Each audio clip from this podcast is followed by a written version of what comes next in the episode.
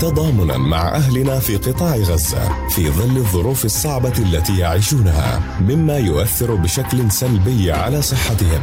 تسعى الإغاثة الطبية الفلسطينية إلى تقديم سلسلة حلقات من خلال هذا البودكاست عبر أجيال للتوعية عن الوقاية من الأمراض المعدية ومتابعة الأمراض المزمنة وكيفية تقديم الإسعافات الأولية ورعاية الحوامل والواضعات ودعم الصحة النفسية. وقت الطوارئ والأزمات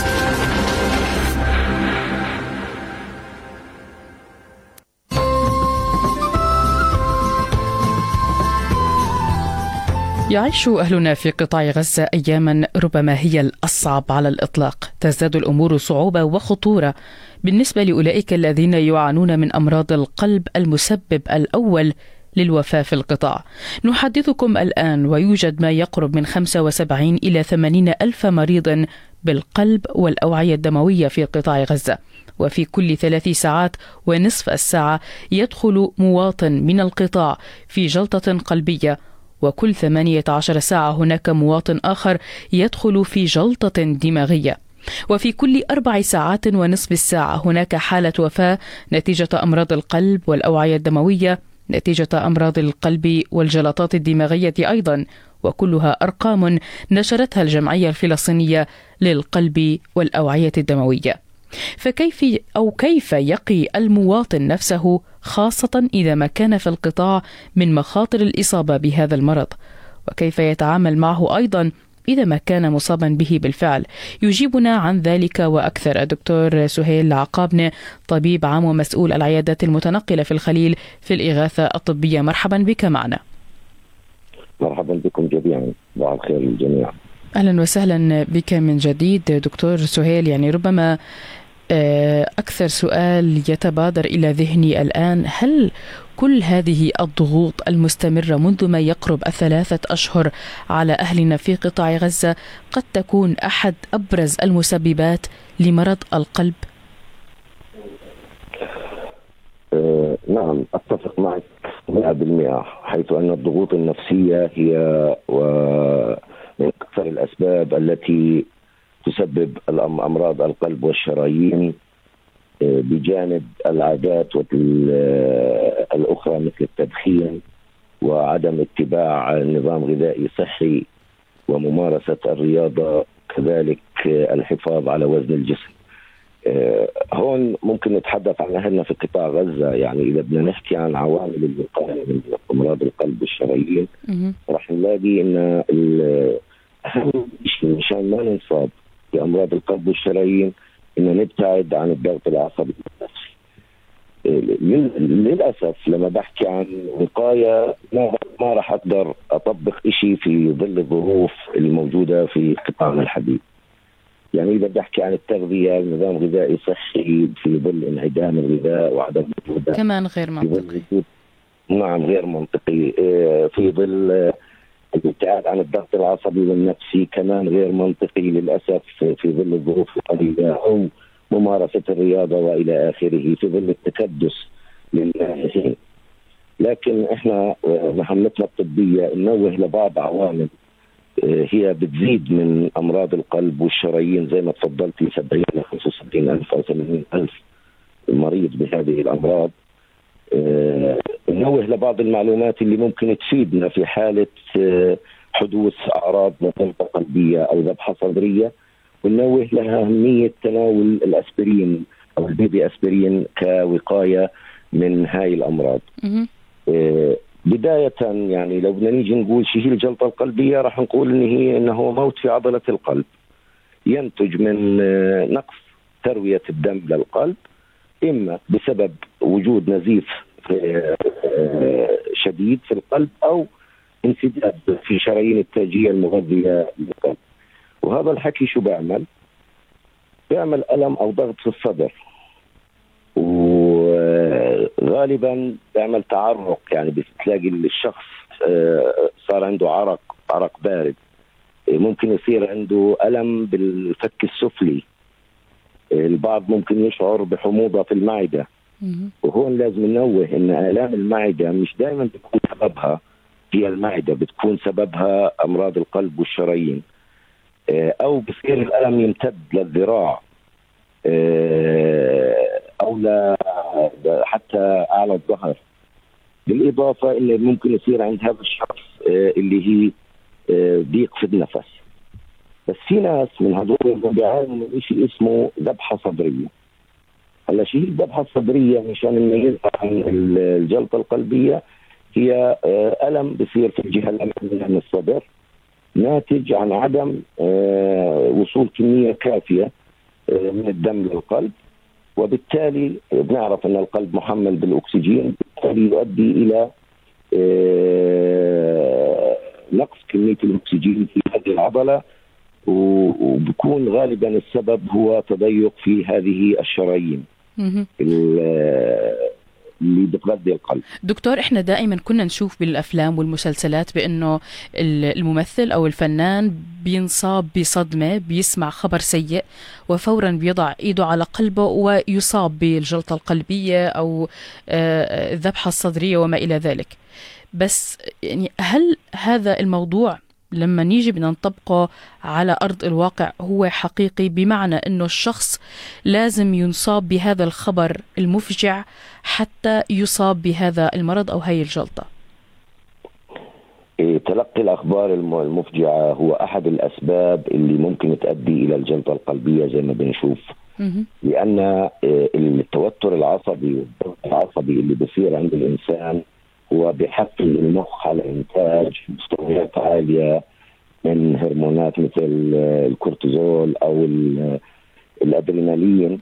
وهذا الحكي هو بيؤدي لارتفاع ضغط دم مباشر.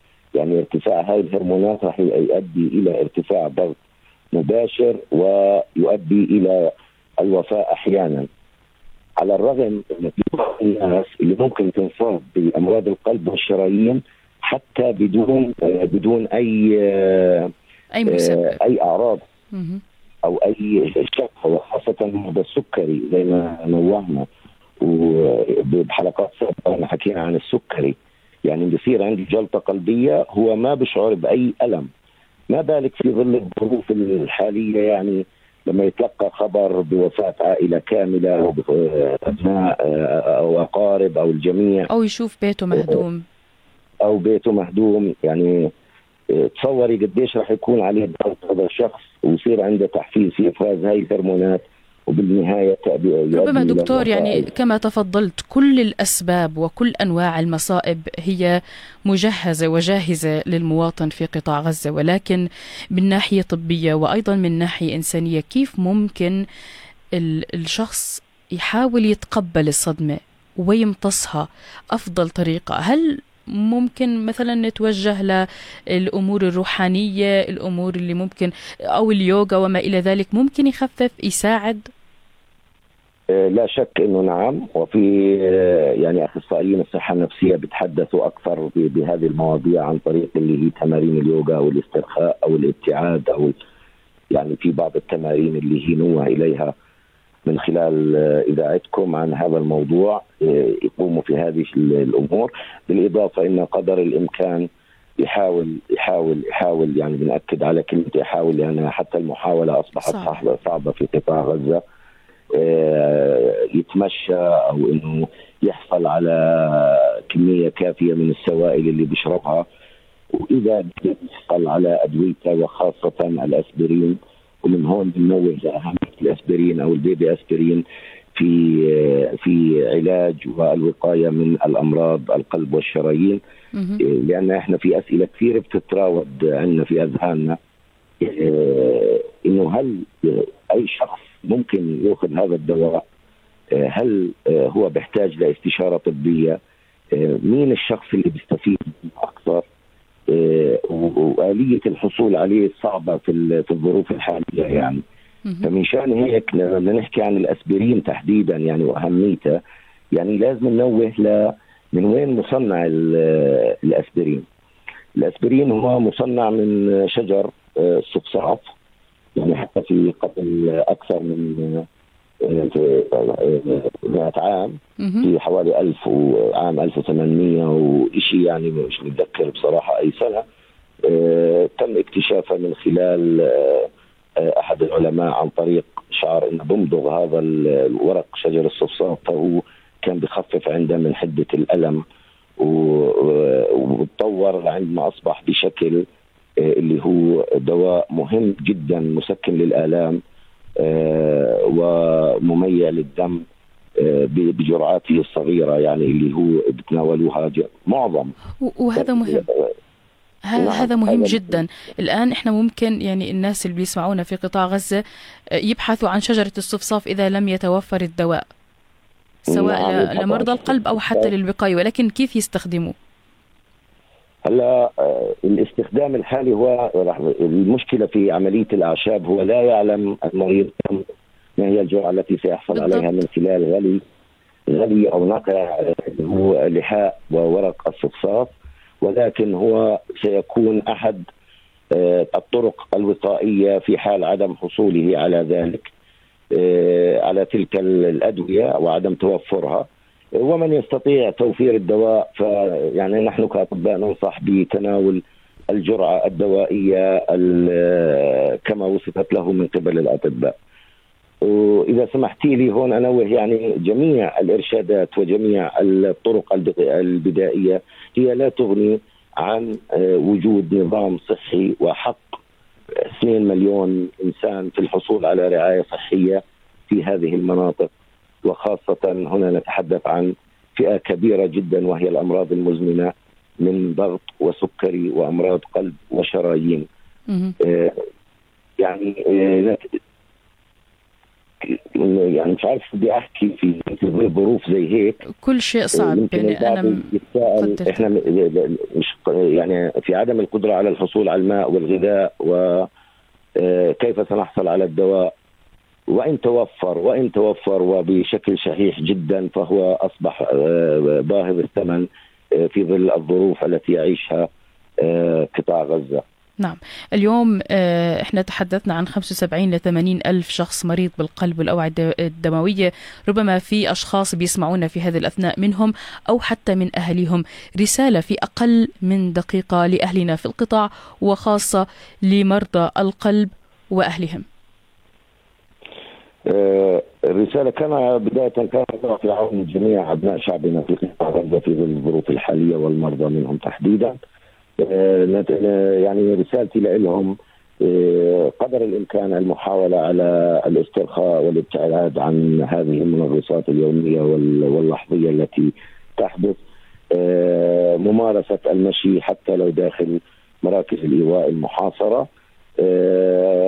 الابتعاد قدر الإمكان عن العادات السيئة والمواد الغذائية السكرية منها في هذه الأيام. شرب الكثير من السوائل والإكثار من شرب السوائل والأعشاب خاصة منها. ولمرضى القلب والشرايين آه، محاولة ومحاولة الحصول على آه، الأدوية اليومية التي هم بحاجة اليها وتمنياتي لهم بالصحة والعافية. وزوال هذا الوضع القائم باذن الله تعالى. اللهم آمين. شكرا لك دكتور سهيل عقابنة طبيب عام ومسؤول العيادات المتنقلة في القليل بالإغاثة الطبية حدثنا عبر الهاتف. الشكر أيضا موصول لكم مستمعينا الكرام في كل مكان. كنت معكم في الأعداد والتقديم ألاء العملة في الهندسة الصوتية الزميل محمد ظاهر وكان هذا لقاء خاص. إلى اللقاء.